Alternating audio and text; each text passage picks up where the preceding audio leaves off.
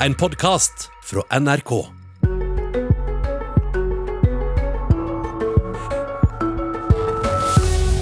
Senterpartiet fosser fram. Nå vil hver femte velger stemme på deg, viser vår måling. De er nær jamstore med Arbeiderpartiet.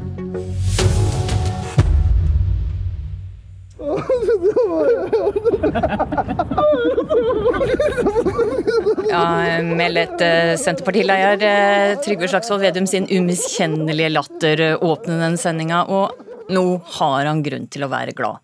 Senterpartiet får 20,2% oppslutning på Norstads siste måling for NRK og Aftenposten. Det skil bare ett prosentpoeng mellom Ap og Sp. Vi har hanka inn tre kommentatorer for å snakke om endringene vi ser i norsk politikk. Floka på rød-grønn side, og du får siste nytt om budsjettforhandlingene. Anne Ekornholmen, politisk redaktør i Nasjon. Snorre Valen, politisk redaktør i avisa Nidaros. Og Lars Nehru Sand, politisk kommentator her i NRK. God morgen. Eh, vi begynner med det, Lars Nehru Sand. Senterpartiet gir altså et solid byks. Hvor er det de henter sine nye velgere fra? De fortsetter å hente eh, hovedsakelig fra de tre store partiene, Arbeiderpartiet, Høyre og, eh, og, også Frp, som sine tre viktigste konkurrenter. Og når de gjør det i enda større grad enn de har pleid, så blir oppgangen da enda større. Det er et solid rød-grønt flertall med SV, Senterpartiet og Arbeiderpartiet. Men for Ap går det ikke helt veien? Eh, Arbeiderpartiet går det jo motsatt for, i den forstand at de taper til sine viktigste samarbeidspartnere, og de klarer heller ikke å hente velgere over fra borgerlig side. Og når de da taper stort til Senterpartiet, men også til SV og Rødt, så går det tilsvarende dårlig for Arbeiderpartiet. Årets verste Ap-måling eh, som Norstat har gjort for oss. Og statsministertallene viser også at Støre som person, eller som statsministerkandidat, da, gjør det vesentlig dårlig dårligere enn Erna Solberg. Og så er det ei eh, lita gruppe med parti som havna under sperregrensa i denne målinga. Ja, For første gang på en god stund så havner MDG under sperregrensen, eh, med rett under, mens Kristelig Folkeparti og Venstre ser to-tallet, begge to. KrF ville fått null mandater med Norstats mandatsberegningsmodell, eh, mens Rødt havner over denne måneden her. Mm. Så går vi over til det, Anne Ekornholmen. Hva er grunnen til at Senterpartiet har gått fra å være et parti som lå på 5-6 oppslutnad eh, da Trygve Slagsvold Vedum tok over eh, leiervervet i 2014, til nå å få 20% på målingene? Ja, Det er jo en oppgang som jeg nesten tror egentlig overstiger også Senterpartiet sine ambisjoner. De hadde jo en plan om å, om å bli større enn Fremskrittspartiet, eh, og nå er de jo det og vel så det. Og, og, som du sier, puster Arbeiderpartiet i nakken og er nesten like store. Og det er eh, nok flere grunner til det, og en av de store er jo det vi kaller for distriktsopprøret. Som er eh, ja, et rop på en måte fra flere deler av landet om at ting ikke har gått bra i det siste. Og den misnøyen misnøyen som mange har opplevd med, med en høyreregjering, høyrestyrt regjering, har, eh, som har drevet sentralisering og sammenslåing, den har Trygve Slagsvold Vedum og Senterpartiet vært flinke til å stå imot og hele tida argumentere imot. Og, og har vært konsistente på det over lengre tid. Mm, og da treffer deg også. Snorre Valen, mange husker deg som tidligere nestleder i SV. Nå er du politisk redaktør i avisa Nidaros. Hva er din analyse? Hvorfor går alt veien for Senterpartiet for tida? Um, jeg tror, altså Vi må jo først bare stoppe opp og tenke over hvor, hvor voldsom vekst det egentlig er. Altså Senterpartiet lå under sperregrensa da Trygve Slagsvold Vedum tok over. Nå er de ti ganger så store som KrF og, og puster Arbeiderpartiet i nakken. Og jeg tror eh, min kollega, eh, kommentatorkollega Sivert Rossing i Trønderdebatt var inne på det i går. Eh, det Trygve Slagsvold Vedum har gjort, er å være tro mot sin egen strategi i årevis. Han reiser landet rundt, han møter alltid folk. Og så er han alltid akkurat overordna nok til at veldig mange kan kjenne seg igjen i fortellinga han har om sentralisering og om at det trengs et, et ordentlig distriktsopprør. Eh, og da argumenterer jo også Senterpartiet ikke bare mot den sittende regjeringa, selv om de blir symboler på det, men de går oss til kamp mot trender som har vært vedvarende i Norge i mange mange flere år. Eh, og Det gjør jo også at det blir ganske interessant å følge Senterpartiet videre inn i maktposisjon, om de skal være med å vinne valget eh, neste høst. Eh, for da skal de ta fatt på ganske mye større oppgaver enn å bare gjenopprette noen lensmannskontor og og, reversere et par reformer høyreregjeringa har gjort. Ja, for da, eh, siden de har kritisert så mye som de har gjort, så eh, blir jo også forventningene høye til deg. Ja, og så har de greid å flytte Eh, den viktigste, eh, den viktigste aksen i norsk politikk det er jo gjerne enten klassebevissthet eller økonomi, høyre-venstre-aksen. Senterpartiet har på et vis greid å sprenge den og gjort geografi, lokal identitet, sentralisering til en viktigere akse. og Der tror jeg jo du finner noen av de store problemene til Arbeiderpartiet òg. Det her er ikke som den forrige krise Arbeiderpartiet var i da mange velgere gikk til et SV som ligna veldig mye på de sjøl. Nå har veldig mange velgere gått til et parti som har en annen grunnleggende fortelling om hvilke kamper som er viktigst i Norge. Da.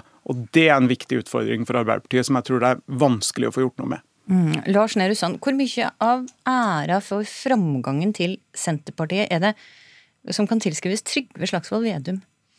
Den er stor, på, på, godt og vondt, i den forstand at uh, det er hans uh, kongstanke om sin ledergjerning, sitt budskap, sin historie, som har vunnet frem og vunnet gehør, ikke bare i partiet, men, men blant velgerne.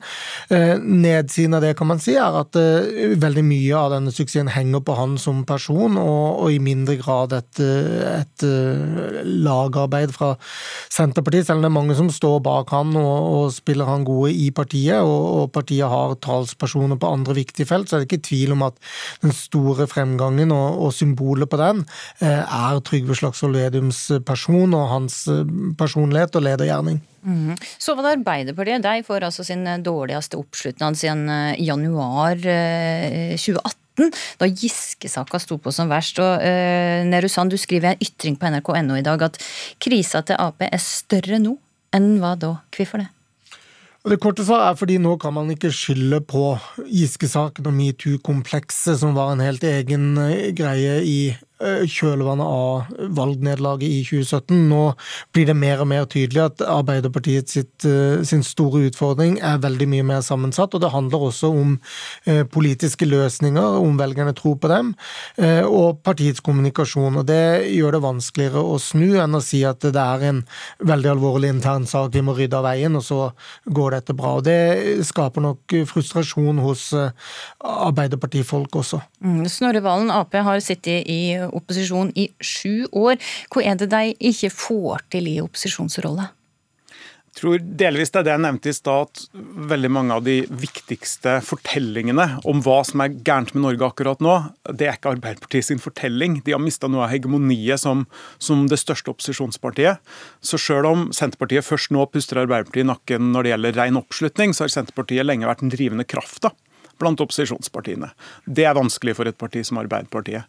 Og så tror jeg òg at, at, Arbeiderpartiet prøver litt for mye å tilfredsstille litt for mange grupper på en gang.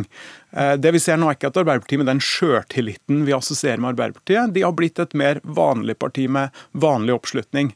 Og Det tror jeg er en sånn selvforsterkende tendens da, som, som, også gjør det vanskeligere å snu enn som nevnt sist gang Arbeiderpartiet var i, i djup krise for om lag 20 år siden. Mm.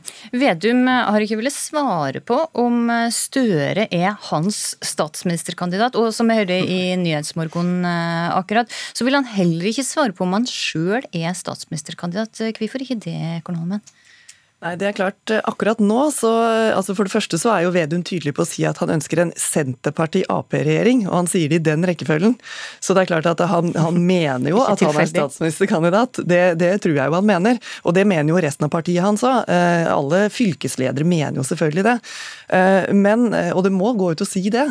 Men, men akkurat nå så har jo Vedum ingenting å tjene på å peke på Støre. Selvfølgelig, Han er jo i et parti som fosser fram, og, og han er opptatt av å, at um, folk skal komme først, og posisjoner etterpå. Uh, og Støre har jo ingenting uh, å tjene på å, å si at jo da, Vedum kan godt bli statsminister. Så det er klart at her, her, må begge to kjøre sitt eget løp inntil videre. Men før eller seinere så, så, må det jo lages en eller annen plattform her. Få med denne avklaringa før valget, Nerussan? Det er ikke sikkert at Senterpartiet har seg tjent med, men sånn som det er nå, så er det jo mye politisk budskap som drukner i det spørsmålet for Senterpartiets del. Så må man jo se om man på et eller annet tidspunkt ser seg tjent med å bryte fra den strategien man har nå, men at den gjelder nå og funker for Senterpartiet nå, det er klart. Nå er jo også mystikken rundt det en del av det man snakker om, som du nettopp har invitert til. ja. Du, Snorre Valen, du har laga en liten guide eh, i et innlegg i Trønderdebatt eh, for deg som vil stemme på andre parti enn regjeringa. En slags velgerguide. Hvordan ser den ut? Eh, den, det er en kompleks mosaikk, for å si det sånn. Altså, det starta med Miljøpartiet De Grønne, som valgte side for noen dager siden og ville samarbeide med Arbeiderpartiet og SV. og da slo det meg at jeg ikke lenger har oversikt sjøl over hvem som har sagt ja og nei, og kanskje til hvem på rød-grønn side i norsk politikk. Så jeg begynte å tegne opp for meg sjøl.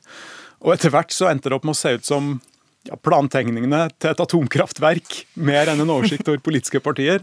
Og da slo det meg at dette er jo en historie i seg sjøl, historien om hvor komplisert det egentlig har blitt på rød-grønn side. Eh, og det er en kjempeutfordring strategisk for, for opposisjonspartiene etter hvert. For det er umulig for vanlige folk å henge med på hva som er de aktuelle konstellasjonene etter hvert blant ja. opposisjonspartiene. Du skriver at det, det, ser ut til at eh, hvert av opposisjonspartiene har eh, satt seg sjøl i en lydtett boks, og spør ja. om de rett og slett har lyst til å tape?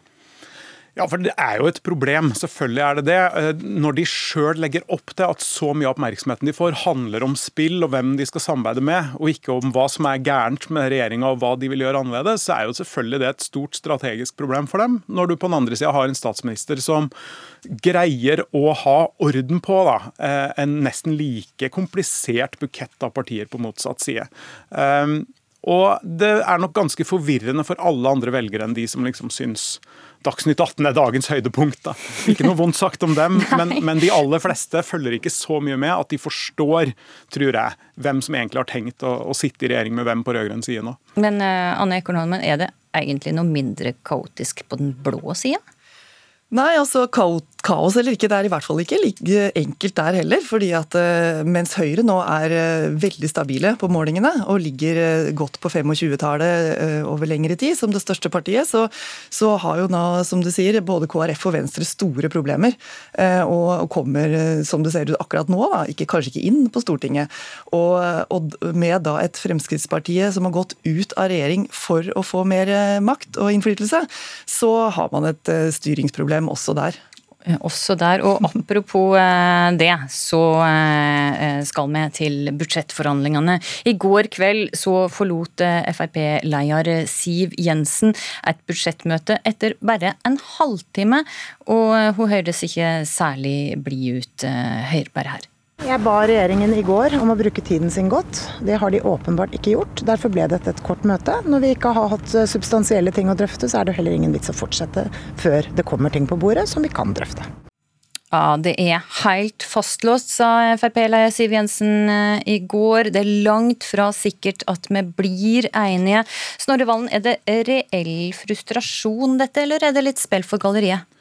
Jeg får inntrykk av at det er reell frustrasjon på de jeg snakker med i Fremskrittspartiet. og det som er interessant er at De beskriver ikke bare sakene de er uenige om, altså avgiftspolitikk og kvoteflyktninger osv., men, men de beskriver en holdning fra regjeringa som de blir veldig provosert av, og de virker oppriktig provosert over den.